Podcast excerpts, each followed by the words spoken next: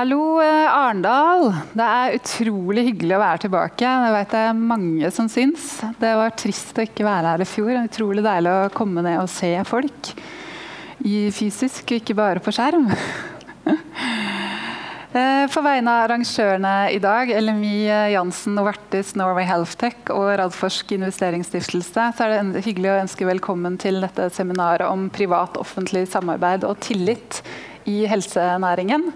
Ehm, det vet jeg er et tema som engasjerer eh, mange i næringen, uansett om det er legemidler eller eh, medisinsk teknologi. Eh, mitt navn er Elisabeth Kirking Andersen, jeg er kommunikasjonsansvarlig i Radforsk. Og så har jeg med meg Jonas Einarsson, som er administrerende direktør i Radforsk. Vi har en sånn podkast som kanskje mange kjenner oss fra, som heter Radium. Alt bra? Alt vel. Veldig, veldig, artig å være tilbake i Arendal. Veldig rart med så mye mennesker, men vi får klare det. vi holder meteren, Jonas. Ja, vi holder meteren. Vi pleier å gjøre det. Det er bra. Eh, Privat-offentlig samarbeid det er ikke noe som er uh, ukjent uh, for Adforsk. Altså, det er jo basis for Oslo Cancer Cluster, som du var med å starte i 2006 sammen med Kåre Norum. Eh, og så har man jo Oslo Cancer Cluster Inkubator og Oslo Cancer Cluster Innovasjonspark, som da ble åpnet 24.8.2015 av selveste statsminister Erna Solberg. Eh, og jeg har lyst til å starte med å gjengi noen sitater som eh, Erna sa da. Hun sa bl.a. at Oslo Cancer Cluster Innovasjonspark er et godt eksempel på privat-offentlig samarbeid.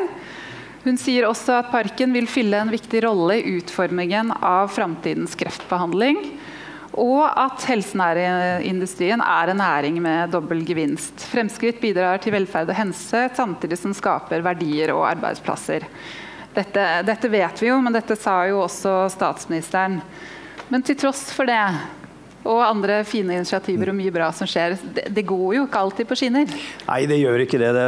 det. var veldig hyggelig med den åpningen, men det skal jo sies at det lå en del arbeid bak med å få til et privat-offentlig samarbeid, bl.a. med at det var så vidt vi fikk igjennom den skolefaglige avtalen med Ullern videregående skole. Av prinsipielle grunner, for det var visse partier som var imot privat-offentlig samarbeid. Men eh, nå fikk vi nå det til. Eh, og så har dette blitt en suksess i form av at eh, vi har kjempevoksesmerter i Innovasjonsparken. Det er stappfullt. Vi trenger mer laboratorier, vi trenger mer kontorplasser. Det er både store og nye små bedrifter som ønsker å komme seg inn. Og da har vi igjen et privat samarbeid med både grunneierne av nåværende Innovasjonsparken og av eh, naboeiendommer, som er veldig innstilt på å være med at vi skal få lov til å utvide Innovasjonsparken. Og Den største satsingen der er på nesten potensielt 40 000 eh, kvadratmeter. Eh, som Så er dobling. dobling av arealet. Og det, det, det tør vi, for vi, vi, ser hvordan dette utvikler seg. Eh, og da er de grunneierne som eier disse største tomtene ved siden av der, er veldig innstilt på dette, men vi må regulere et helt område samtidig. Og da er det tre små kommunale eiendommer som ligger på den det, den, eh, det området. Eh, to fraflytta gamle kommunale leiligheter og en eh, tarm med skog som ingen bruker. Den har vi bedt om at disse grunneierne også skal få kjøpe, så vi får regulert hele området. Og til tross for da at både byråden for næring og eiendom og byrådsleder står på åpningen av Oslo Science City og fremmer hvor viktig dette er å utvikle Oslo Science City, og vi er jo en viktig del av det, så stopper dette byråkratiet. Eh, og vi får altså blankt nei så langt til å erverve de tomtene. Og vi får eh, liten eller ingen støtte fra det politiske miljøet. Så det å ha de store ordene og de store vyene, men da få det ned i byråkratiet og igjennom da, så det jeg savner er litt mer politikerstyring. Og dette med eh, at man har planer, man har fine planer, man har eh, politisk styring. Så det har man jo i helsenæringsmeldingen og, og, planer som er kommet eh, etter det også. Men at det da på en måte stopper opp. Oslo Science City skal bli eh, Norges første innovasjonsdistrikt. Og man ønsker dette, man ønsker næring. Man har globale bedrifter som har lyst til å komme inn. Våre biotekbedrifter vokser ut av det. Og så stopper det opp.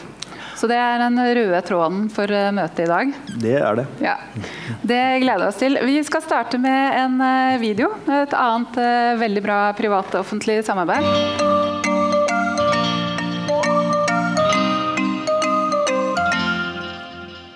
Så Inspire er jo da et privat-offentlig samarbeid hvor man da får oversikt over hva slags kreftbehandling som blir gitt til pasienter på sykehus. Hvor man da Man skulle tro at man hadde oversikt over det, men det har man da altså ikke. Men har startet å få nå. Eh, vi skal videre til et annet privat-offentlig samarbeid på kreftfeltet. På mange måter kan man si at De har lagt lista enda høyere enn Inspired. for Man har der fått med seg et trepartssamarbeid med å få inn de regulatoriske myndighetene. Jeg snakker om eh, Connect. Jeg har vært eh, framme på flere møter her nede. Men Formålet med Connect er da altså å implementere presisjonsmedisin i norsk kreftbehandling. Det er organisert som et konsortium som koordineres av Oslo Cancer Cluster og det består av 26, partnere. Alle seks universitetssykehusene er med. Tolv eh, legemiddelselskaper Nå snakker jeg altfor fort, sorry. Eh, noen biotekselskaper. Og så har man med seg som observatører Kreftforeningen, Folkehelseinstituttet, eh, Statens legemiddelverk, Helsedirektoratet og LMI.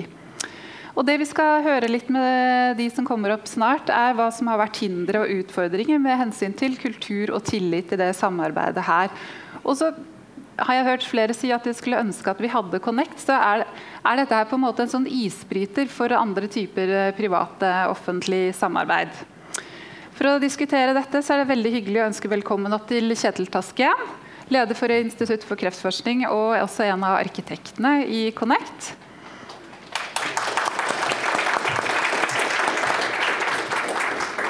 Uh, I tillegg til Nicolas Vauchelet Baust, som er medisinsjef i Novartis Norge.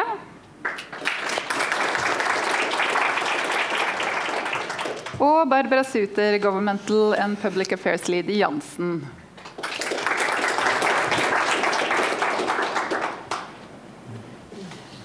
Kjetil, jeg tenkte jeg skulle begynne med deg. Ja. Dette er jo et sånn samarbeid for å implementere presisjonsmedisin for pasienter ved Radiumhospitalet, Oslo universitetssykehus, men også de andre sykehusene i Norge. Kan ikke du fortelle litt om eh, bakgrunnen for dette, og hvorfor har det vært viktig å få med seg private aktører for å få til dette? Vi, vi har jo jobba i ja, omtrent to år, snart to år, for å implementere presisjonsmedisin. Vi lagde infrastruktur for uh, molekylær kreftdiagnostikk, så pasienter skal kunne få det. Det ruller ut over hele Norge. Inpred. Vi lagde en stor klinisk studie, Impress, eh, for å eh, komme i gang med presisjonsmedisin. Vi ønsker flere tilsvarende studier, vi ønsker flere firmaer inn i, eh, i Impress. Og så er det sånn at jeg, jeg, tror ingen aktør kan implementere presisjonsmedisin alene. men hvis vi skal teste hvor mye pasientnytte gir det et, i et overordnet perspektiv, så trenger vi ulike firmaer inn med sine medikamenter, sin kompetanse, og vi trenger det offentlige inn med en overordna tilnærming. Uh, så det var åpenbart at dette kan ikke det offentlige gjøre alene. Uh, og dette kan ikke et privat firma gjøre alene heller. og Det førte til at vi hadde en god dialog for å komme i gang med om dette starta litt i 2019, var fasilitert av OCC. Så hele 2020 hadde vi en arbeidsgruppe som jobba med å se kan vi lage et sånt offentlig-privat eh, samarbeid. og Da var det flere firmaer som var med som representant for de andre. Roche var med, Novartis var med, BMS var med, LMI var med, eh, vi var med i eh, OS og OCC var med. Og Da dreier det seg om hvordan lager vi en konstruksjon som kan fungere, som respekterer det fra vår side at diagnostikkinfrastruktur er en offentlig eid infrastruktur. Eh, Impress-studien er en forskerinitiert studie, eh, så at en sånn type struktur skal ikke styre det.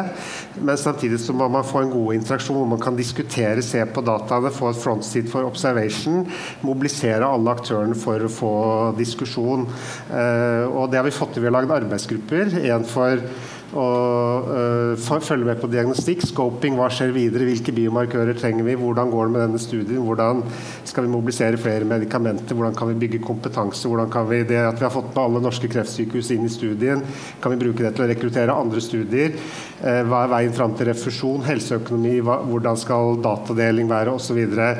så vi kunne laget et kart for skal, hva skal vi gjøre, uh, og så var det andre hvordan balanserer vi dette, hvordan skal avtalestrukturen være sånn at det fungerer alt det klarte vi å få på plass i 2020. Eh, og Det sier jo litt om viljen til alle aktørene. Eh, så tror jeg noe av det som har vært eh, underliggende der, er at ingen kan gjøre det alene. Vi trenger all kompetansen. Og det må være en gjensidig respekt for hva hver partner kan bidra, at hver partner har sitt unike ståsted, sine behov, og de må også hva skal jeg si, respekteres og betjenes osv. Så, så er det veldig gøy å se at alle signerte avtalen i Uh, desember 2020. Vi lagde en sånn der 'nå skjer det', liksom. Sånn à uh, la en uh, aksjeemisjon eller sånn som Jonas kan veldig godt. ikke sant? At det er nå det er. og så var det åpent for å komme, melde seg på etterpå. Det er det også flere som har gjort. Det er også veldig fint. og så var det en god del dialog med de andre regulatoriske myndighetene. Hvordan rolle kunne de ha? Kunne de være med å observere dette? og hvordan får vi til det uten at man eh, lager et eh, system hvor det kommer i konflikt med de andre rollene de har. og da var det klart at Vi skal ikke diskutere over bordet da enkeltsaker eller noe, men det kan være nyttig å belyse caser og ha diskusjon for at alle partene bedre skjønner hvordan prosessen er osv. Eh, tror jeg kanskje ja, er noe av det som eh, har vært på bordet i den diskusjonen. Da. Ja. Så man har på en måte eh, sittet sammen rundt samme bord, diskutert seg fram fordi man har sett eh, løsninger. Altså Man har sett den samme Man vil, vil til dette målet, men hvilke hindringer har vi? og sittet.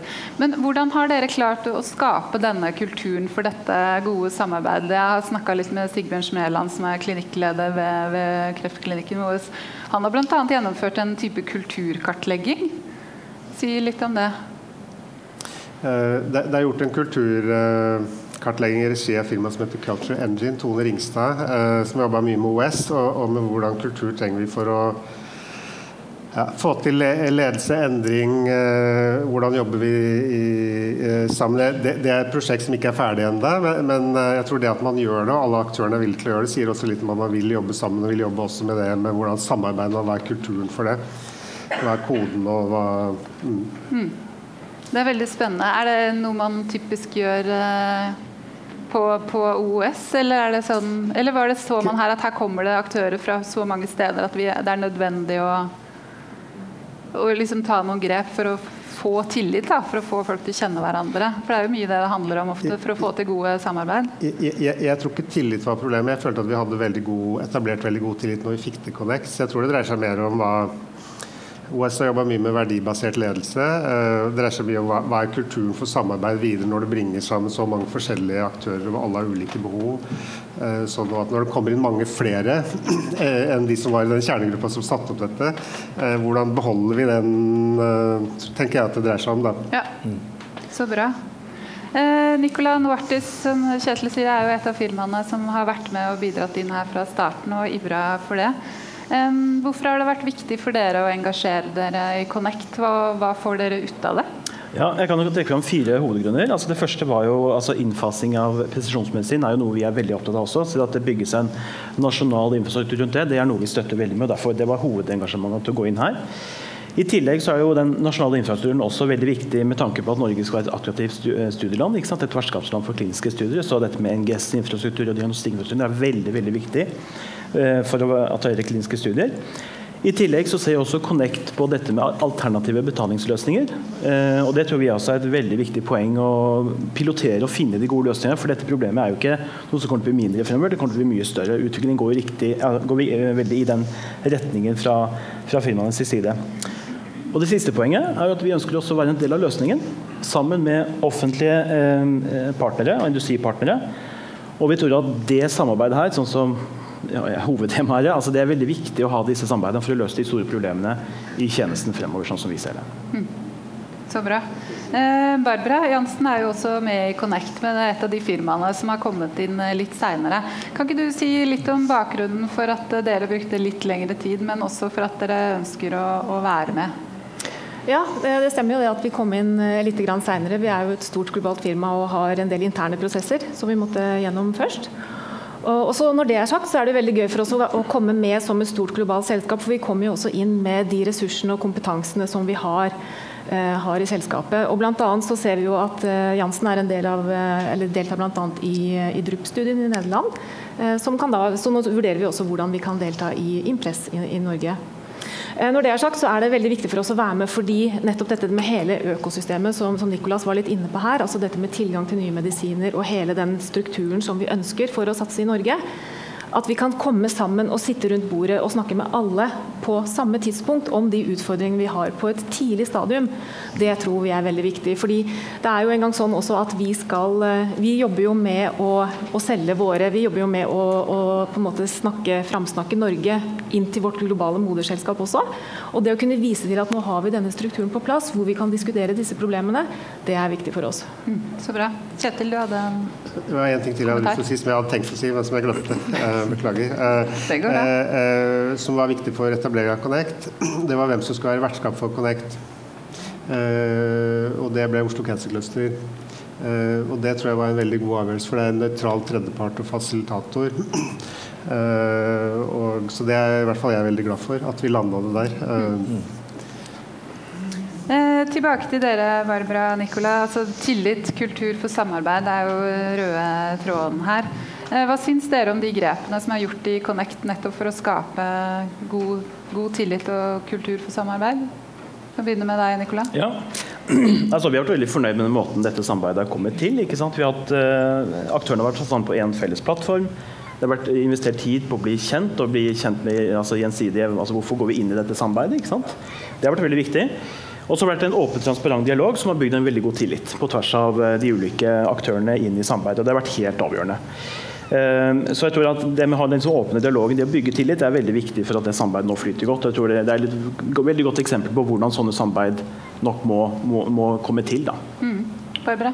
Nei, jeg vil jo bare speile det Nicolas sier her. Altså, det er viktig å bygge tillit og sitte sammen og, og, snakke sammen rundt bordet. Og på den måten synliggjøre kompetansen som de enkelte partnerne har.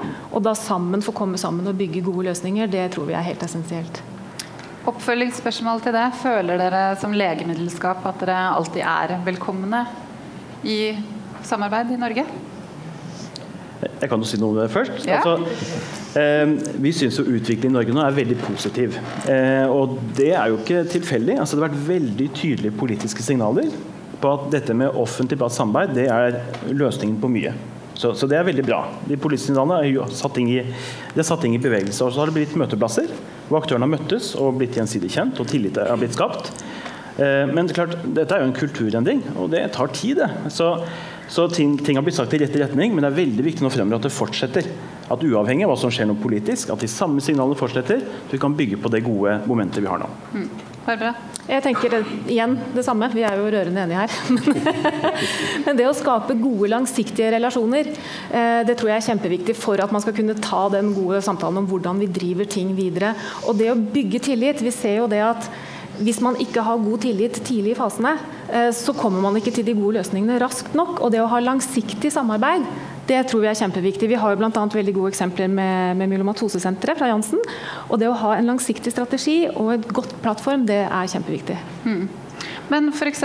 sånn som i sommer, da, når man ser i Aftenposten en, en kronikk fra de åtte helselederne i Norge at uh, man kan ikke ta inn alle legemidler i Norge. Det skyldes pris, og legemiddelindustrien tar for høy pris. Hva, hva tenker man hos dere da? Det, for jeg tenker jo fra mitt ståsted at det gir jo ikke gro, god, god grobunn for godt samarbeid nødvendigvis. En sånn type åpen eh, diskusjon i media. Ja. Altså, jeg tenker jo, Vi har jo tatt noen politiske valg, valg i Norge. Det er veldig tydelig. Vi ønsker å eh, ha, bygge en helsenæring. Og vi ønsker å ha et klart politisk samarbeid å øke antallet kliniske studier i Norge. Og Da må man jo på en måte bruke de verktøy man har for å få det til. Og hva man gjør på tilgang, har faktisk noe å si på hvordan, hvilket økosystem du ruster i Norge. Tar du i, i bruk få innovasjoner, så blir økosystemet også dårlig formet og dårlig rigget til å ta imot kliniske studier og dermed være råvaren for å bygge en helsenæring. Så dette må ses i sammenheng.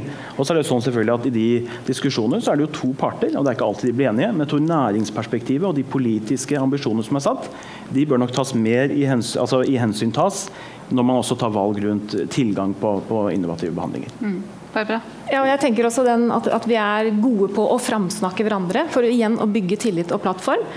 Eh, sånn at vi kommer til gode løsninger. For nettopp disse, Vi har jo mange gode intensjoner og initiativ nå. Det som nå også er viktig, er at vi kommer til å kan vise fram gode resultater av alt dette arbeidet.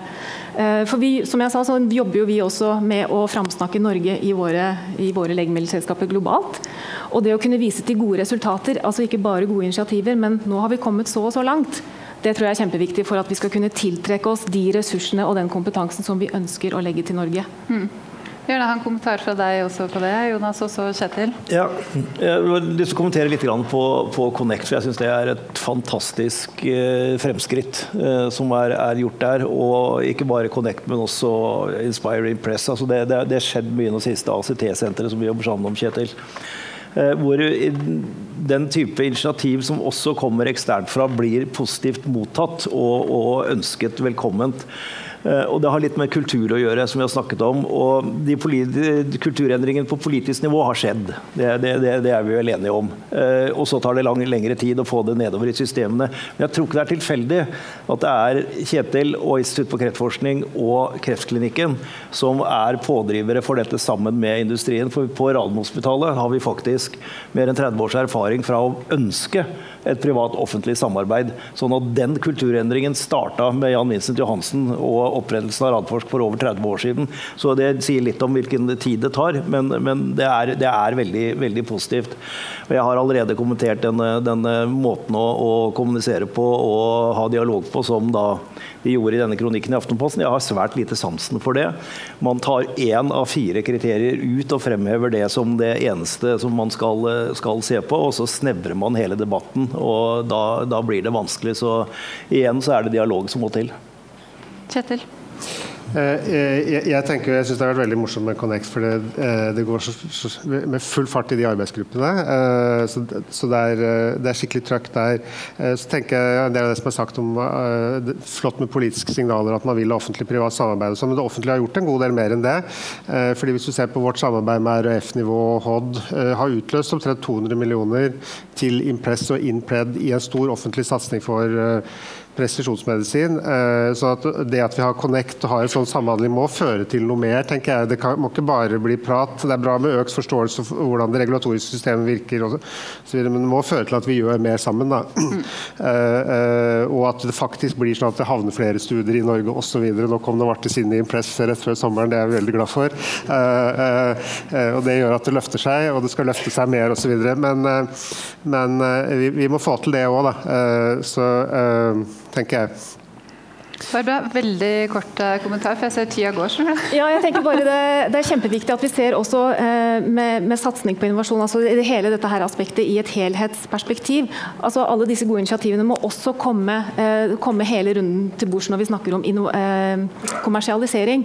Og Der har vi jo gode styringssignaler bl.a. på innovasjon i offentlig innkjøp. Kan vi gjøre mer der? Kan vi komme raskere frem der? Det er også ting som vil bidra til at man ser dette i et, i et helhetsperspektiv. Hmm må ta en siste runde med dere. Til, det er jo valg i år. Det blir spennende valg. Altså, det blir noen konstellasjoner. Jeg vil ikke, tør ikke oss på hva slags konstellasjoner det blir. Men til, til politikerne, hva, hva, ønsker dere at de skal gjøre? Altså I de fire neste årene, i posisjon eller opposisjon, for å bidra til bedre kultur og tillit innenfor helsenæring? Begynne med deg, Kjetil, og så går vi bortover. Jeg, jeg tenker eh, Oppdragsdokumentene for 2019, 2020 og 2021 som tydelig, gir tydelige signaler til alle aktørene, RHF-en, men også de andre offentlige instansene om at man skal bidra til innføring av presisjonsmedisin, har vært viktig. Så Vi ønsker fortsatt sånne typer eh, signaler. Så tenker jeg at Vi må ha en tydeligere vei forbi kliniske studier eh, innen presisjonsmedisin, hvor det er snakk om små pasientgrupper. Hvordan skal vi jobbe med et beslutningsunderlag som kommer til å være lite til å begynne med, men allikevel klare klare å innføre medisiner for små pasientgrupper med kreftpasienter, eh, mens vi samtidig sørger for å samle inn mer evidens for å ha gode helseøkonomiske analyser. Eh, den utredning som Helse Midt har leda, som kom nå rett før sommeren, er veldig viktig. Eh, og den peker opp på sånne typer dynamiske HTA-vurderinger, samhandling med f.eks. Impress, som står faktisk også i anbefalingene, at det kan være en vei framover. Så det er jeg veldig spent på hvordan vi kan også klare å manøvrere det videre. Det håper jeg at politikerne også vil følge opp, det som er gjort så langt der. Nicolas? Ja, nei, jeg tenker jo altså litt på klinisk, ja, Det kom en handlingsplan på kliniske studier. og jeg tror faktisk Realiseringen av den er veldig veldig viktig. så det, Alle de gode tiltakene som er, de må bli til virkelighet. og Så må vi se effekter av det. Og så må kliniske studieambisjonen ses i, en, i, et helsenæringsperspektiv. For det er også en klar politisk ambisjon om å bygge. Videre så tenker jeg at det er veldig viktig at uh, politiske ledelse fortsatt etterspør et bredt aktørsamarbeid for å løse utfordringene i helsetjenesten. Uh, som du sa, Kjetil, altså Vi sitter jo på ulike verktøy. og det er Når de ulike aktørene med de ulike verktøyene møtes, det er da vi kan løse de store problemene. Så det er veldig veldig viktig at signalene er, er eh, tydelige. fordi vi har jo sett at ord har blitt til handling, og det må vi bygge på også i årene fremover. Mm. Fortsett å følge opp eh, de gode initiativene i Handlingsplan for kliniske studier og helsenæringsmeldingen. Se på hele økosystemet og følge opp de politiske intensjonene overfor byråkratiet. Dere har notert, Tuva Sveinung? Ja, det er bra. Tusen takk til eh, dere. Eh, vi skal vise en film mens vi mygger om eh, til neste panelet. Det er da om et privat-offentlig samarbeid mellom Siemens og intervensjonssenteret på Oslo universitetssykehus.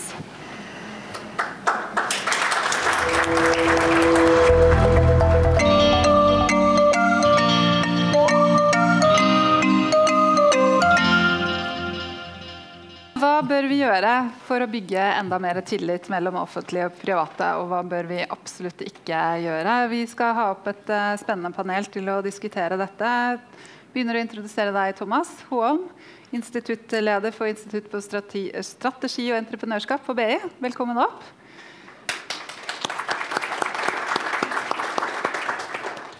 Og så Lena Nymo Helli, som er da administrerende direktør i Norway Healthtech. Og du er også styreleder ved Finnmarkssykehuset og har bakgrunn fra Abby, toppleder i både Norge og Tyskland. Velkommen. Og sist, men ikke minst, Atle Hunstad, som er administrerende direktør i Melanor, som er bransjeforeningen for Medtech og Lab.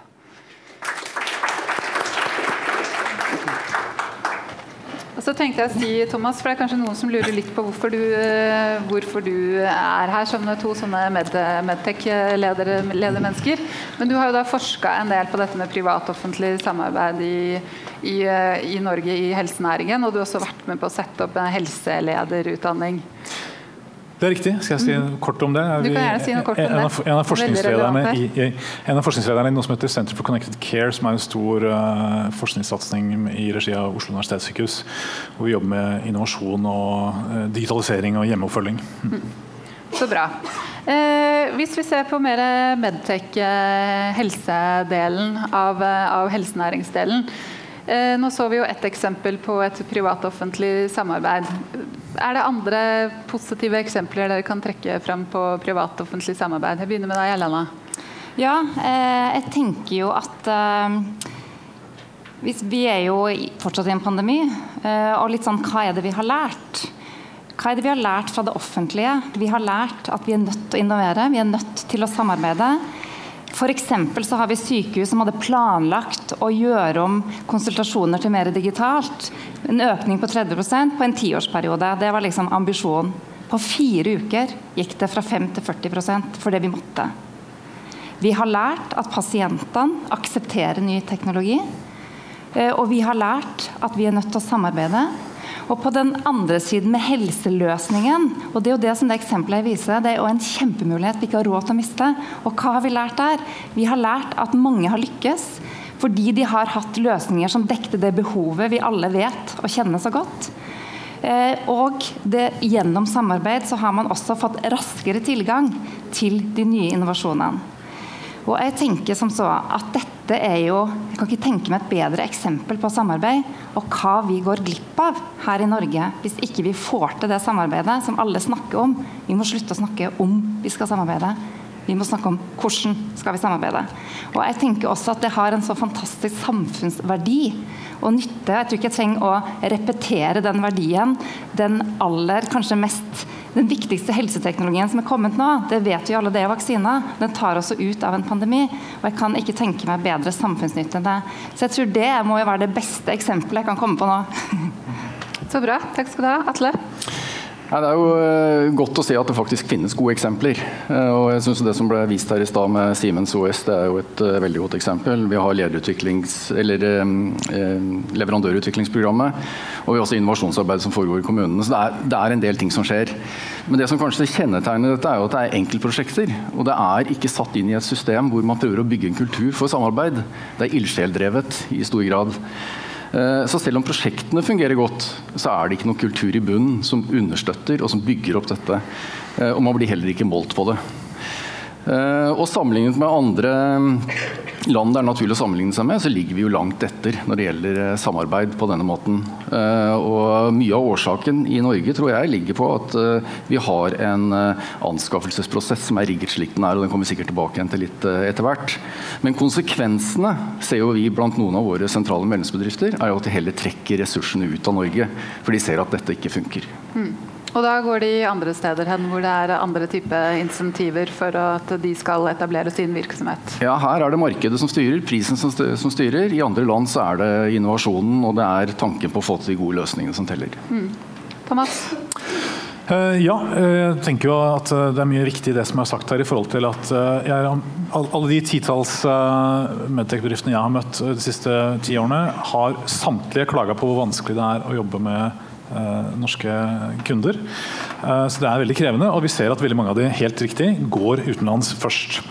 Eh, et av de gode eksemplene som er veldig ferske akkurat nå, er jo at pandemien, altså en sense of urgency, har gjort det mulig for et norsk medtech-selskap som heter Dignio, å innføre på veldig veldig kort tid eh, hjemmeoppfølgingsløsning for eh, pandemioppfølging sammen med Oslo kommune. Og da tenker jeg at Noe av det har å gjøre med at Oslo kommune og Dignio har pilotert. De har en samkjøpsavtale, de har gjort en del forarbeid.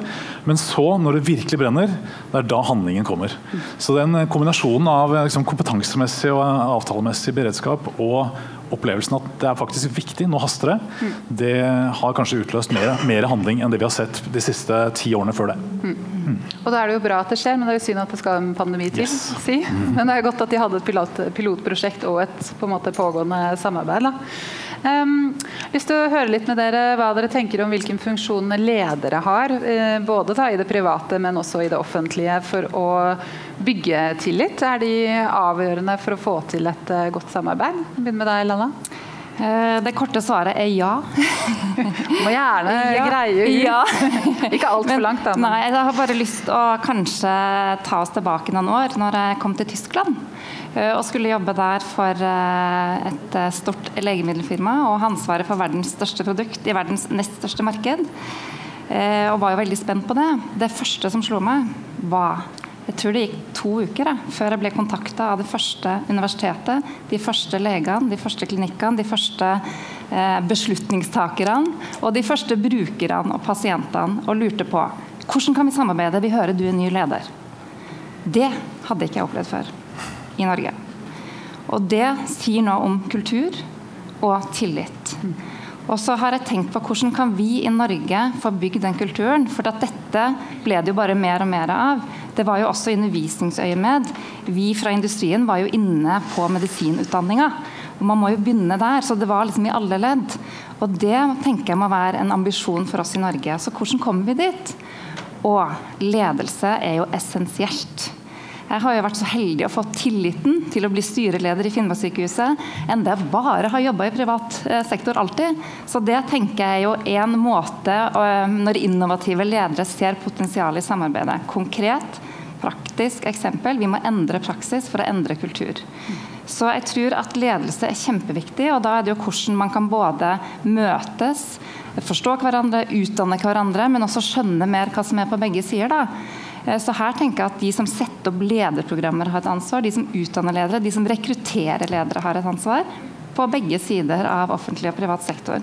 Så jeg tror det er veldig viktig at tonen kommer fra toppen der. Og, eh, og det har man også um, ja, egentlig sett nå da, i pandemien også, at de som faktisk har tatt i bruk Det er jo faktisk geografiske forskjeller også på hvor man har tatt i bruk f.eks. smittekuvøse, da, som vi har et medlem som har. Enda mer i nord enn i andre deler. og Det tror jeg mye på ledelse. Kortere beslutningsveier enn andre steder.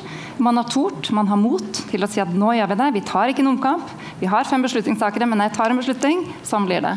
Så jeg tror det handler veldig, veldig mye om ledelse for å få til den kulturen vi trenger å bygge den. Atle? Nei, altså skal, vi, skal, vi, bygge tillit, så er vi nødt for å ha ledere som snakker sammen og som har felles visjoner. Eh, og ikke minst, det ble nevnt i, i forrige innlegg også, at eh, det å ha tillit til hverandre og det å fremsnakke, hverandre er en, en, en, viktig del av det. Eh, og, og, det er det ikke akkurat overskudd av i det, i det norske systemet i dag. Og eh, Dette er et topplederansvar. Det begynner på toppen.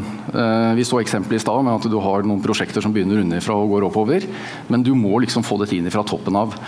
Eh, og Da må du ha ledere som i fellesskap utvikler en visjon på hvordan skal vi klare oss å få til dette samarbeidet og få, styrket hele næringen.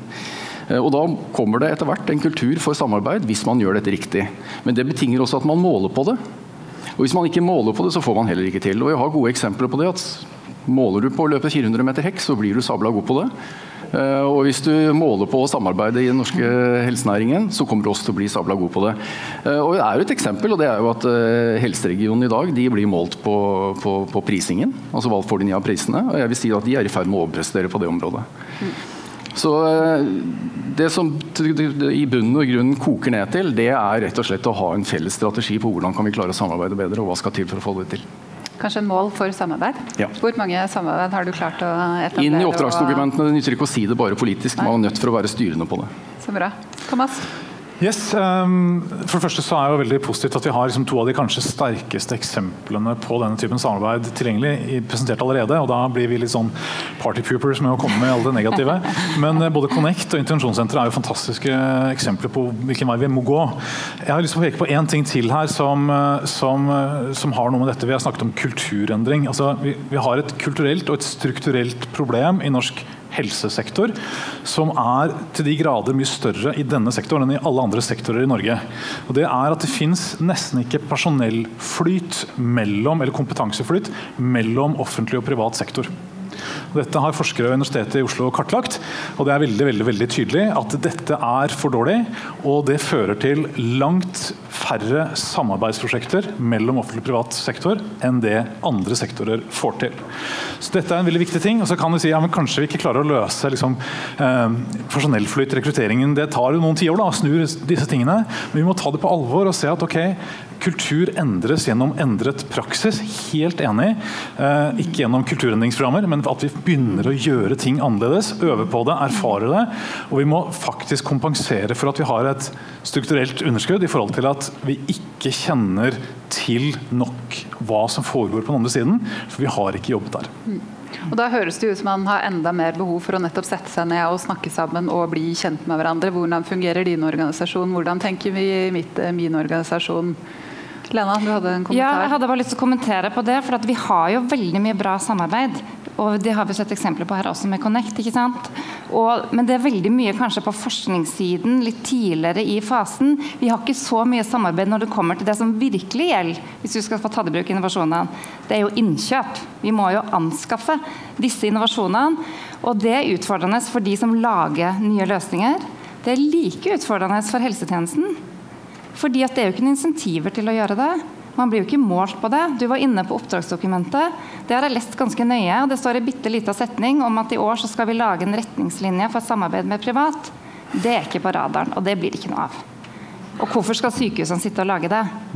Det som burde ha stått, var jo du skal eh, jobbe med innovasjon på denne måten. ikke sant? Og så skulle det vært konkrete mål, og du skal bruke så og så mye tida di. Og så kunne man fått en liten øremerka eh, overføring av basisbudsjettet til innovasjon. Det står mye om forskning, det står ikke noe om innovasjon. Og hvorfor er det så viktig? Ja, men ellers så er det ingen insentiver. Blir, det er faktisk desinsentiv, fordi at du blir eh, du blir fratatt penger hvis du ikke opprettholder aktiviteten. Så insentiva og finansieringssystemene er basert på gårsdagens måte å jobbe på. Så jeg tror Man må begynne veldig konkret, og da tror jeg også du får en annen kultur. for Da blir du målt på det, da gjør du jo mer av det. Og da må vi jo samarbeide, for man har jo ikke løsningen i sykehus nødvendigvis. Man har kanskje alle de gode ideene, men du trenger noen som kan få hjelp til å tatt i bruk. Ikke at det blir et sånn pilotpopkorn, men at det blir faktisk en nasjonal løsning, og gjerne en internasjonal løsning. Så jeg tenker at man må begynne med veldig, veldig konkrete felles mål for å få til disse løsningene. Jeg tror man må også tørre å ta det området som er litt sånn skummelt. da, For det er så mye vi kan snakke om, og så er det bitte litt vi ikke skal snakke om. Og det er akkurat når man er i et anbud. Ellers er det veldig mye vi kan snakke om. Ja. Så jeg tror å fokusere litt på det området, for jeg tror vi har veldig mange gode samarbeid på resten av verdikjeden. Og det må vi få til, tenker jeg. Ta det siste spørsmålet til dere også, til eh, politisk ledelse, om de så kommer i posisjon eller eh, opposisjon eh, etter valget. Hva, hva kan de bidra med? Hva vil dere ha at de skal gjøre de neste fire årene for å få fart da, på private-offentlig samarbeid? Jeg kan kanskje begynne med deg, Thomas. Takk for det. Eh, Jeg tenker jo at eh, Nå må man jo vise at man mener alvor med helsenæringsmeldingen, som jo har lagt opp veldig mange gode ting, men virkemidlene gjenstår jo selvfølgelig å utvikle og, og, og gi kraft. og da, da er det rett og slett sånn at man må vise at man har ambisiøse mål om å få dette til. Eh, Jeg tror at det handler en del om kompetanse i anskaffelsesleddet. At man faktisk utforsker andre måter å gjøre det på. Vi ser en del på disse innovasjonspartnerskapene nå, som i utgangspunktet har tenkt har vært en kjempegod idé. Så ser vi at det samtidig blir veldig trege, veldig tunge, veldig vanskelige prosesser å få noe produktivt ut av dem. Så det å jobbe videre med å få til nye og gode og mer dynamiske praksiser og det vi kaller funksjonsbaserte anskaffelser på, på den siden, tror jeg har veldig mye for seg. Og så tror jeg også at man må jobbe helt ned i utdanningene for å få dette kulturskiftet til. Atle? Ja, jeg tror, eh, som du er inne på, dette med eh, Jeg vil, kalle det dynamikken i anskaffelsesprosessene. Eh, Der er det en betydelig blokkering på å få, få til mye.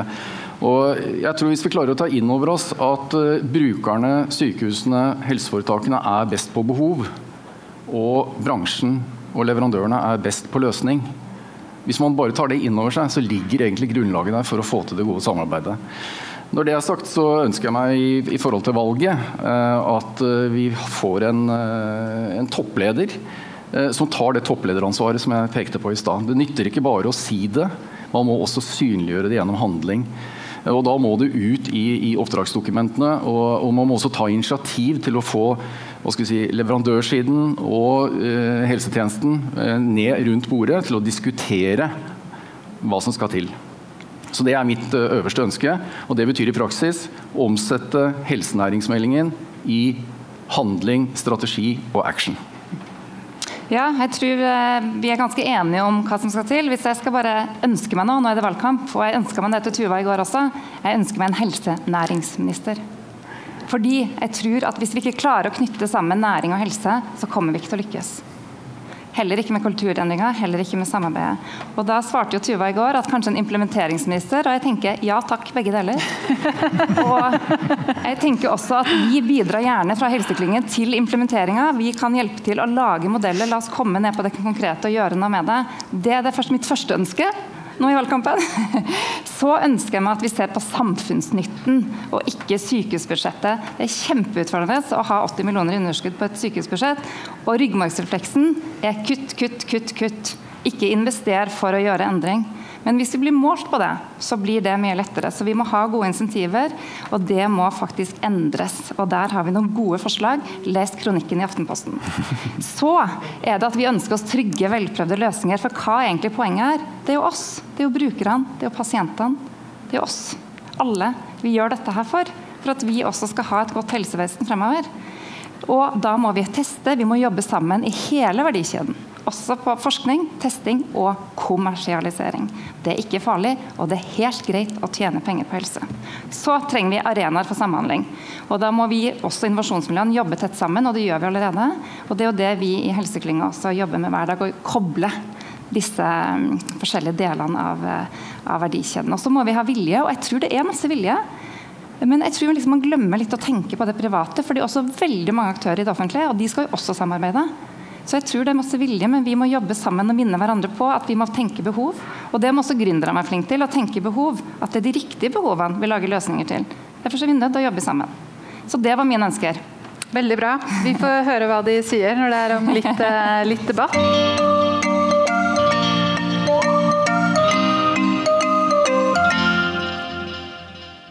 Da er det klart eh, for eh, debatt.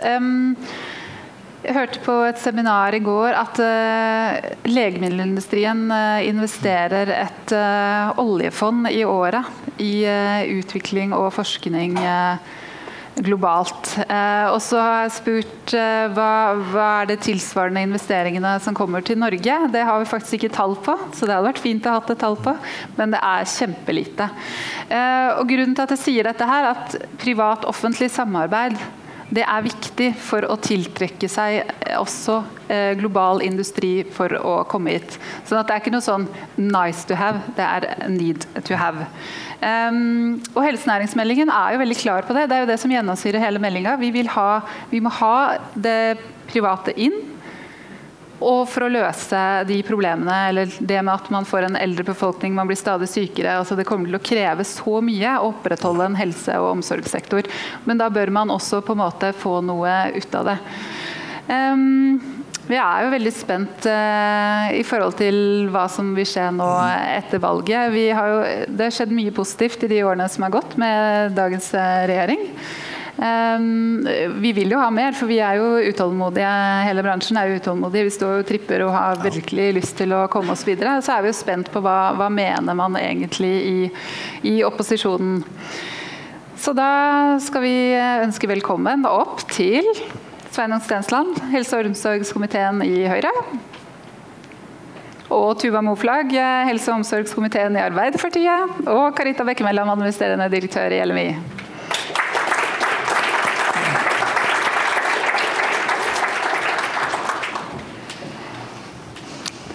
For at dere har tatt uh, turen hit i dag. Jeg vil begynne med aller først uh, konkret uh, kommentar til det dere har hørt i dag. Ja, det som har blitt sagt der, på både det som er liksom positivt, altså positive eksempler, men også det som på en måte mangler her da, fra aktørene i forhold til det med privat-offentlig samarbeid. Jeg kan begynne med deg, Tuva. Eh, det er veldig ålreit å høre at det er mye positivt på gang. Eh, og jeg kan i hvert fall si fra Arbeiderpartiet sin side at det er en utvikling som vi ønsker at skal fortsette. At næringen kan, kan føle seg trygg på det. Vi var jo også en pådriver for at vi skulle få en helsenæringsmelding. Eh, ellers så tenker jeg at den politiske oppgaven for oss nå er jo å ta på alvor de signalene som kommer om hvilke hindringer som fortsatt ligger der. Enten det er finansieringsmodeller som, som Lena snakka om, som jeg også har hørt i flere av disse debattene som jeg har deltatt på, at vi har et finansieringssystem som premierer gårsdagens praksis i stedet for å eh, sette penger på det som kanskje er morgendagens gode løsninger, som koster mindre. ikke sant? Sånn at det, det, det, må vi rett og slett få gjort noe med. Vi må ha et mer dynamisk eh, finansieringssystem. Ellers så, Nå skal ikke jeg prate i en halvtime nå. Liksom, Nei, det får du ikke lov til heller. Nei, så, så, eh, så, jeg tenker at jeg har notert meg en del ting som jeg skal prøve å komme innom igjen. Men, eh, men eh, vi er positive, og vi er klare for å ta over stafettpinnen, Sveinung. Mm. Sveinung, ikke, ikke kommenter stafettpinnen. kommenter kultur, tidligere. Får, får håpe du er tålmodig, da, for det, det noen år. Nei, eh, det mest konkrete var det vel eh, Lena Nimo som kommer, som vil ha flere statsråder. Altså, hvis du vil ha mer til skje, skal du ikke utvide regjeringen. Jeg mener helt oppriktig, jeg har ment lenge at eh, vi har mer enn nok statsråder i dette landet. Eh, og vi trenger ikke flere, vi trenger færre. Eh, og jeg tror det, eller jeg er overbevist om at eh, sjiktet, eller skillelinjer mellom Næringsdepartementet og Helsedepartementet ikke bidrar til at det blir bedre for, for denne bransjen. Jeg skulle gjerne sett at helse tok hele bøtteballetten. Så, ja, så du vil flytte næringsdelen ja, fra næring inn i Men jeg ja? ikke, tro at noe, ikke tro at vi får bedre folkehelse av en folkehelseminister og bedre helsenæring av en helsenæringsminister. Ikke, ikke tro det, for dette ting henger sammen. Hovedutfordringen her er jo at du har to kulturer som egentlig burde smelte sammen. Mm. Uh, og, uh, og, så slår det meg uh, veldig når jeg hører på det. Jeg skrev en kronikk i DN i jula i fjor, eller forfjor var det vel, om at vi har et kulturproblem i i, eh, i Helse-Norge. Og, og, og, det bekrefter jo at jeg, jeg, hadde jo et poeng.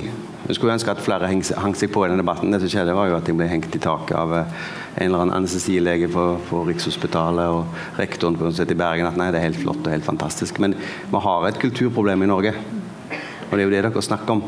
Og så snakker en om tillit. Vel, du kan ikke vedta en kan ikke vedta tillit. Tillit eh, tar lang tid å bygge opp og kort tid å bryte ned. og Tuva og meg vi lever jo av tillit. Det eneste, eneste jeg trenger, er jo tillit fra velgerne for å overleve. altså Det er jo det det handler om. Eh, sånn at eh, vi må faktisk, selv om altså Det er vanskelig å måle tillit, men vi må bygge videre på, på den kulturen vi har satt i gang. Og det tar tid.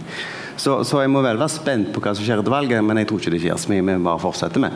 Uh, men, men uh, vi skal fortsette å videreutvikle de tingene her. Når det gjelder helse, helsenærmeldingen, så, så, var jeg veldig skuffa over at den gikk fra Næringsdepartementet til næringskomiteen. Jeg skulle ønske at den kom, kom, inn i helse. For det er jo Tuva og meg og oss andre som brenner mest for disse greiene her. For, for um, vi må se at helse ikke bare er en utgift. Det er jo et stort inntektspotensial. Vi må se at det å tjene penger på helse, det er bra.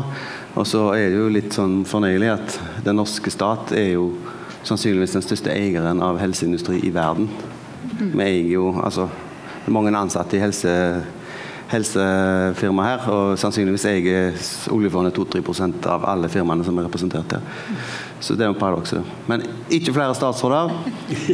Færre møter, færre handelsplaner, mer action. Det er liksom min oppskrift.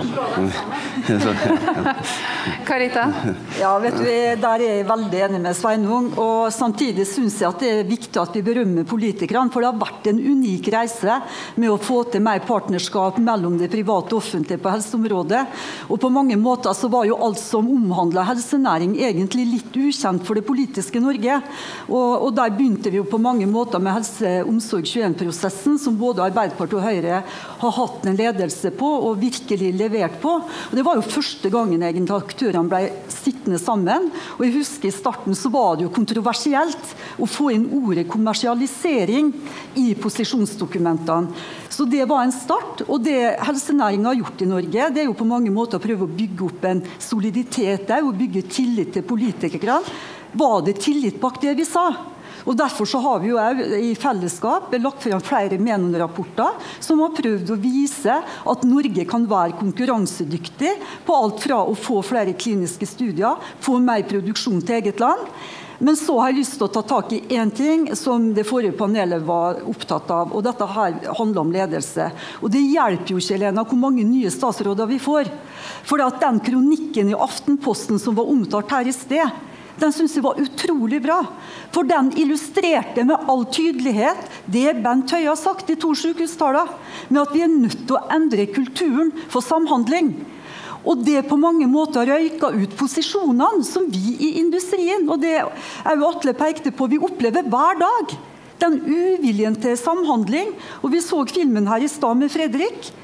Han har vært tydelig og turt å tatt et lederansvar på det. Og Vi kan nevne Connecto, Impresso, whatever. Grunnen til vi har fått til det, er jo pga. Tasken, Giske Uskin og i ledelsen i Invento, som har turt å ta en posisjon. Litt stikk imot det mange i byråkratiet ikke har våga.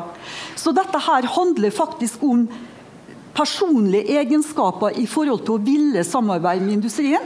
Og jeg synes det er én ting vi glemmer litt, egentlig, og det er pasientene våre. Nå snakker vi om at vi har en pandemi, hvor fantastisk vår industri har levert på rekordtid. Og Samtidig så ser vi nye muligheter for persontilpassa behandling. Hver og en av oss kommer til å bli sjelden i framtida. Og så skal ikke Norge ta den muligheten, og samtidig se at det er et voksende marked. Her diskuterer vi miljøvern. Vi kan levere mye mer rene, gode produkter fra våre produsenter i Norge. Og Vi som jobber i denne næringa har jo sagt i mange år vi er jo et kinderegg av muligheter. og I det øyeblikket flere får øynene opp for det, så tenker jeg jo at eh, kulturen vil komme til å endres. Men mange har vært inne på det. Tillit, tillit, tillit. Vi er nødt til å sitte sammen, se hverandre i øynene. Vi er nødt til å bygge det òg gjennom piloter, eh, som vi nå ser starten på. Det tror jeg vil komme til å føre til endringer. Men vi er nødt til å ha ledere som følger opp. Og det vi så av disse fagdirektørene, det var jo at de gikk jo mot regjeringa. De gikk jo mot den vedtatte politikken til Stortinget. Og Jeg hadde ønska at Riksrevisjonen hadde våkna opp og sett litt på hvordan systemet her faktisk fungerer, opp mot det Stortinget vedtar. Vil dere kommentere det, eller? Ja, Tua? Ja, jeg syns det har vært eh, interessant med de debattene. Nå er det tredje gangen jeg er med i Arendalsuka. Eh, og eh, det lærer man også mye av. Det handler ikke bare om debatt, det handler faktisk om å få fram alle de tinga dere formidler fra bransjen.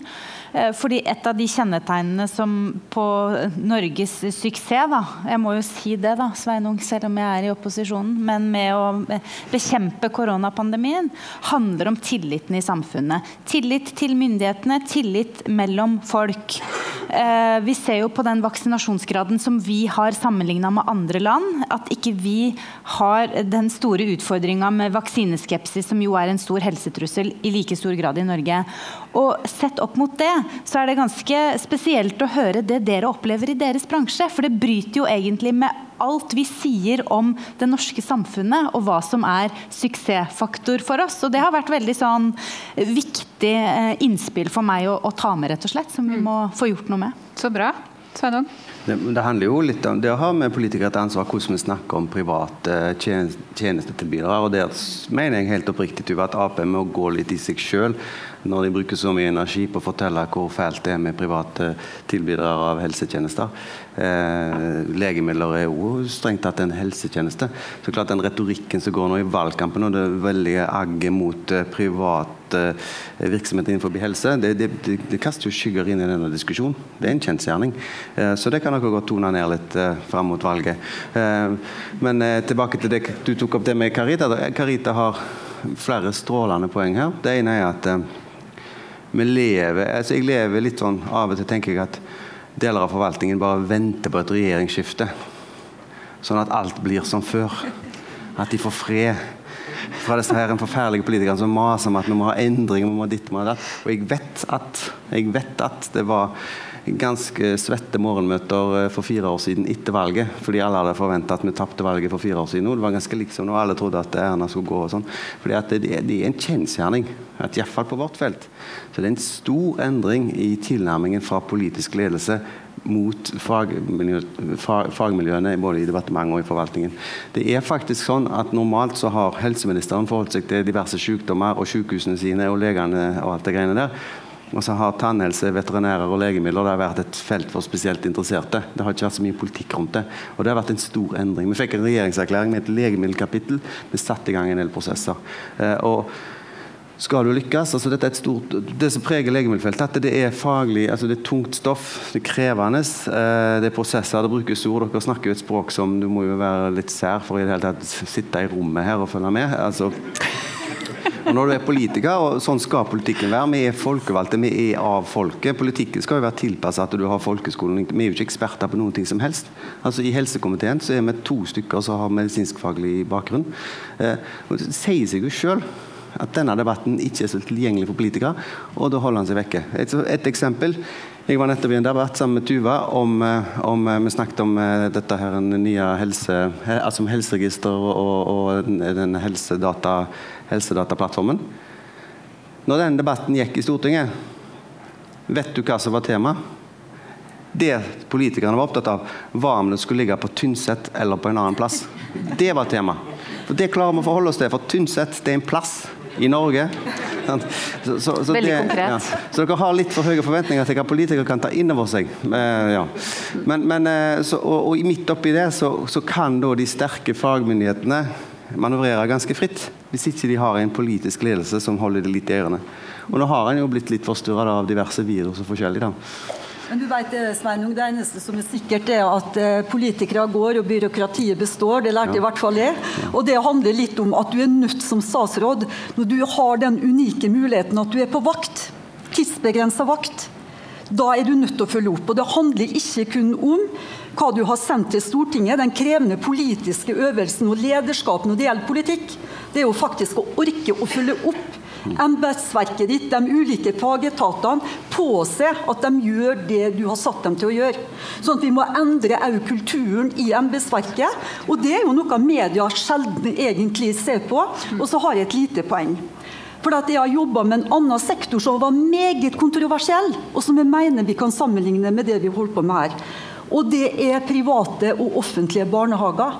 Jeg kan love dere det at det var mildt sagt H å få til en likestilling av private og offentlige barnehager i Arbeiderpartiet sin tid. Og det var så harde beskyldninger mot kvinnebevegelsen, for vi ønska å likestille offentlige og private barnehager. Grunnen til at vi gjorde det, det var jo fordi at det offentlige ikke klarte å levere tilbudet godt nok. Og For meg så var det viktigste at barna våre fikk et trygt tilbud. Knekkende likegyldig om det var det offentlige eller det private, så lenge det at vi hadde gode, trygge rammer rundt systemet. Det vedtok Arbeiderpartiet. I dag har vi en fullt utbygd barnehagesektor. Og det var for det at vi turte å gå i dialog med de private barnehageutbyggerne for å nettopp sørge for at ungene og foreldrene våre fikk et trygt tilbud. Skal vi ha den samme ambisjonen nå på vegne av pasientene våre? Vi skal ha et helsevesen som må skinne på en litt annen måte enn den defensive tilnærminga som vi faktisk opplever fra fagdirektørene våre. Og Nå skal vi ikke være for negative, eh, og vi har nå helt unike muligheter for å begynne å jobbe mye mer detaljert ut ifra de gode posisjonene som både Arbeiderpartiet og Høyre har gitt helsenæringa. Nå har jeg tre stykker på talerlista. Jeg begynner med deg, Tuva. Jeg må utfordre deg på dette med privat og offentlig samarbeid. For ja, jeg som velger, og som en del av denne bransjen, jeg er veldig usikker på hvor jeg har Arbeiderpartiet her. For det er litt sånn eh, to tunger. Eh, du skal, sier det er positiv. Jeg skal svare på det. Og så må jeg jo si at i, i, dette nerdefeltet her så er det jo litt urettferdig for meg at han er farmasøyt, da. Men jeg prøver så, prøver så godt jeg kan eh, som siviløkonom med bakgrunn fra privat sektor sjøl. Eh, men eh, jeg mener at det var én ting som jeg var skuffa over regjeringa på når det gjaldt helsenæringsmeldinga. Den gikk i næring, men vi satt jo ringside fra, fra helse og hørte på, og som jeg mener at gjør at man kanskje detter i en ideologisk skyttergrav. Fordi jeg mener at dette området som vi snakker om nå, eh, utvikling av legemidler, medisinsk-teknisk utstyr, få innovasjon inn i sykehusene, inn eh, i, kommunene når det gjelder velferdsteknologi, er veldig velegna for offentlig-privat samarbeid. Det å splitte opp eldreomsorgen i Norge og sørge for at den skal havne på veldig mange ulike hender, som kanskje er til hinder for samhandling, det mener jeg er et annet eh, spørsmål. Okay. Så på dette feltet så vil jeg si at Arbeiderpartiet har vært pådriver. Vi er klare for å utvikle det videre, men vi er negativ til en oppsplitting og privatisering av f.eks. norsk eldreomsorg. Så det er en nyanse der. Skjønner. Jeg tar eh, deg, Sveinung, før eh, Jonas. Ja, det ble snakket om 400 meter hekk. Jeg har aldri helt skjønt poenget med å springe rundt i rundt og sette opp noen hekker, men det er visst veldig stas, da. Men eh, han som ble så god i det, var Holm. Han ble jo god fordi han målte og trente og målte og trente. Og, og fordi det, han hadde venstrebeinet først. Ok, mulig. vet ikke. Det, jeg, det er nok en grunn til at jeg aldri kan bli statsråd, for jeg driter i idrett. For Da må vi heie på fotball og alt. Det gjør ikke jeg, altså. Men, men, i hvert fall, men jeg vet at han han trener og måler. Og, og, klart eh, Det ble sagt noe klokt rundt det. at eh, jeg må jo kanskje òg måle litt og sette noen eh, i, styringsdokumentene på hva jeg kan gjøre for å tiltrekke seg ting. Og så er det en annen ting som jeg vet virker veldig bra, og ingen av oss vil jo avvikle ISF, og det blir nok ikke avvikla heller. Men hadde vi fått f.eks. DRG-poeng for kliniske studier, eh, andre ting som kan, så, så hadde, hadde, det gjort un, underverker. Og så tror jeg vi skal belønne litt, ikke nødvendigvis med en sjekk, men belønne litt de klinikerne som som gjør en ekstra. Mange jobber veldig mye fordi de brenner for prosjektet sitt. Eh, og så jobber de gjerne sammen med industrien. Og så det jeg vet, dette har jeg hørt fra flere, at de blir da litt uglesett fordi at de bruker tid på det, og at de blir slått i hardcore med den forferdelige legemiddelindustrien. Så må, der, Der må vi jobbe litt mer. og Der kunne vi vært mer offensive, og, og der kunne vi sikkert gjort mer i forbindelse med helsenæringsmeldingen. Så det er en sånn konkret ting.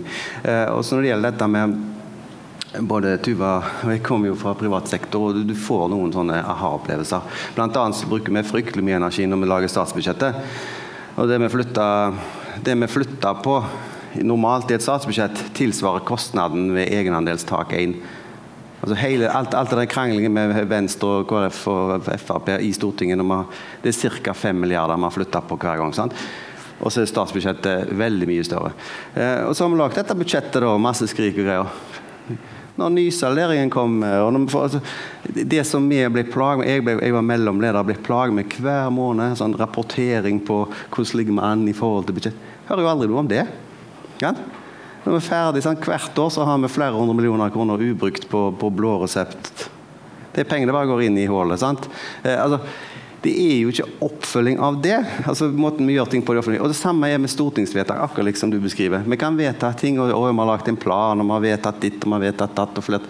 Det er jo ingen som følger opp at det blir gjort. Og der har vi da en forvaltning som altså jeg, Vi har en fantastisk forvaltning i Norge, et fantastisk embetsverk, men de har òg de har tillit, de har kanskje for mye tillit til at alt blir gjort, for det blir det ikke hvis ikke vi maser litt. Og Derfor så trenger vi politikere som er litt på. Og Derfor så trenger vi heller ikke posisjonspolitikere om jeg er det etter valget, vet jeg ikke, som er klakkører og sier at ja, alt er perfekt. Vi må være litt utålmodige, og vi trenger en sånn, sånn drive. Men vi kan ikke gå inn i enhver diskusjon om at alt er så ille. For sannheten er at det er veldig mye som er bra. Utviklingen går rett vei. Bare siste året så økte eksporten av produkter fra deres næring med 10% Jo, fantastisk. Men vi vil eh, gjøre mye mer enn det, og vi vil jo tiltrekke ja. oss eh, Jeg ser det, Tida går veldig fort. Det er herlig at dere er så engasjerte. Jonas og så Karita? Ja, jeg skal overlate scenen til, til disse. Men jeg, jeg har bare lyst til å trekke den litt røde tråden. Vi begynte jo med dette eksempelet hvor, hvor, du har Oslo Science City, hvor du har Innovasjonsparken, hvor du har alle tverrpolitisk er enige om at dette er viktig, og så stopper det opp i byråkratiet. Eh, trekke det videre, så har vi fått eh, helsenæringsmeldingen. Kjempefint. Det var en veldig god beskrivelse av situasjonen, men manglet veien fremover. Den veien fremover må stakes ut. Virkemidlene må komme der. Vi har fått en, klinisk, en handlingsplan for kliniske studier. Kjempefint. Men virkeligheten er rapporten som eh, vi også så igjen i går fra Riksrevisjonen. Altså, det, er, det er totalslakt. 0,8 kliniske ja, studier 0,8% i 2019, og vi skal ha 5% i 2025. Glem det. Hvis man, I hvert fall ikke hvis man ikke setter inn skikkelige virkemidler. Og dette må ned i systemet. og Jeg, jeg er veldig enig med deg. Det må starte på toppen. Det må starte med dere, det må starte med Stortinget, det må starte med regjeringen. Men så må da de som er på neste trinn, må kalles inn på teppet og så si at dette mener vi faktisk. Det skal gjennomføres nå.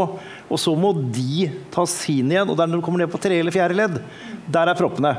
Og den systemet må fungere nedover, og det er ledelse, som du var, var inne på i stad. Sørge for at det blir gjennomført. For det er ikke nok at dere sier at vi har vedtatt, og så er det embetsverket som skal gjennomføre det. Dere må sørge for at det faktisk blir gjennomført. Og i vår næring, så er det bare det lille siste poenget i vår næring så er utfordringen Det er veldig spennende, men den store utfordringen er at vi har så mange departement å forholde oss til. Jeg er faktisk enig i at ett til blir eh, litt for mye. Men altså, og Du nevnte det i går i en av debattene, Sveinung. Grunnforskningen det er Kunnskapsdepartementet. Og så er det Næringsdepartementet når det kommer til kommersialisering. Men imellom der så ligger den aller aller viktigste delen, og det er den kliniske forskningen, enten det er Medtech eller legemidler. Det er deres ansvar. Og den må dere ta. Karita, jeg tror du får siste replikk før de må løpe videre til neste debatt. Det var Lena egentlig tok opp, det var jo rett og slett behovet for mer koordinering og samhandling. Eh, og Det handler ikke om at ikke politikken er på plass, men det handler faktisk om at to departement ikke evner å snakke sammen. Og vi som aktører blir, går litt sånn frem og tilbake mellom departement. Og Da er det viktig at vi har en tung politisk ledelse på toppen, som tør å holde sine statsråder litt i ørene. Eh, og så handler det om bare en avsluttende kommentar på det. Det er ganske unikt og fantastisk at vi har næringsaktører som står og banker på døra til det offentlige og vil være med å bygge et solid velferdssamfunn i framtida. Det jeg tenker, det er egentlig en gave. Og det er jo egentlig slik at Når alle aktørene står sammen Vi har hatt møte her i starten på Arendalsuka der både LO, NHO, Arbeiderpartiet og Høyre sitter sammen i et panel og peker på at dette her ønsker vi å være med og levere på. Og Hvis ikke vi evner å se det når vi er på vakt nå, da går vi faktisk glipp av noen ganske unike muligheter i framtida. Så det er et ansvar vi er nødt til å ta med oss inn i et nytt, uh, ny stortingsperiode. Man skal ikke si nei til gaver, jeg har lært. Sveinung? Nå har sikkert alle har bestemt seg for hva de skal stemme, så jeg kan bare si hva jeg egentlig har lyst til å gå til valg på. Men jeg har ingen med meg. Og det er følgende de neste fire åra skal vi ikke legge fram en eneste stortingsmelding, handlingsplan, strategi. Vi skal ikke legge fram noen ting. Vi skal bruke all energi på å få ting til å virke, jobbe i systemet. Vi skal bare følge planen. Planen er å følge planen, og så skal vi sørge for at ting blir fulgt opp. Og så skal vi faktisk lede dette landet, istedenfor å komme med en haug med nye rapporter. handlingsplaner sånn. Men det jeg hører i alle debatter jeg, de, jeg har fått bestillinger på nå fire statsråder, sju handlingsplaner, flere strategier. Vi har jo ikke tid til annet enn å lese disse planene og handlingsplanene. Sånn. Vi har ikke plass til mer i skuffen. Du skal bare se, når Bent fylte 50 så, så lagde jeg sånn stabel med stortingsmeldinger, så gjemte jeg meg bak og sa hei? Altså, det er jo der vi er. Uh, og så er det jo da et krav. Og så lagde jo jeg en liste til NRK over alle tingene som opposisjonen har eh, stemt for på krav om enda flere utredninger. Altså, det utredes så mye i dette landet her. Det eneste som tjener på det, er jo de som lever av å selge tjenester til utredning. Sant? Men jeg tror du snakker til menigheten her med at det ikke er noen flere utredninger. Nå kan vi bare handle. Men Tuva Men det beste, jeg må få være litt politisk på slutten. For det, nei, for det beste av alt, for det beste av alt er at den som, slakt, den som slakter byråkratiet mest, er Senterpartiet. Og den som bestiller flest sånne planer og strategier, det er Kjersti Toppe. Det er det store paradokset, men jeg måtte bare få sagt det. Hun, hun, er ikke her for å forsvare seg selv. Tuva, du må gå i et annet møte. Men ja, siste, du må og det handler om legemidler, dette her òg. Så det er jo liksom samme, samme tema. Eh, men det er klart Arbeiderpartiet kan jo ikke gå til valg på at det ikke skal skje noe annet enn å følge opp Høyres politikk i neste periode. Så den blir litt vanskelig å følge Sveinung på den. Men jeg er helt enig i at vi er nødt til å komme ned på et nivå med handling. Fordi vi ser jo også at vi leser jo de strategiene som er lagt fram, og så opplever folk at det er ikke sånn hverdagen er.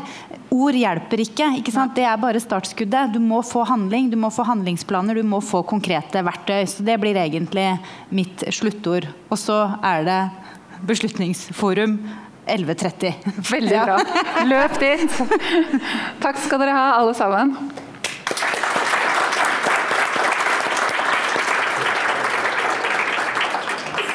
Vi hadde egentlig satt av litt tid til en oppsummering, men det tror jeg bare dropper, for det er flere som sikkert vil videre til neste møte. Så takk for at dere kom.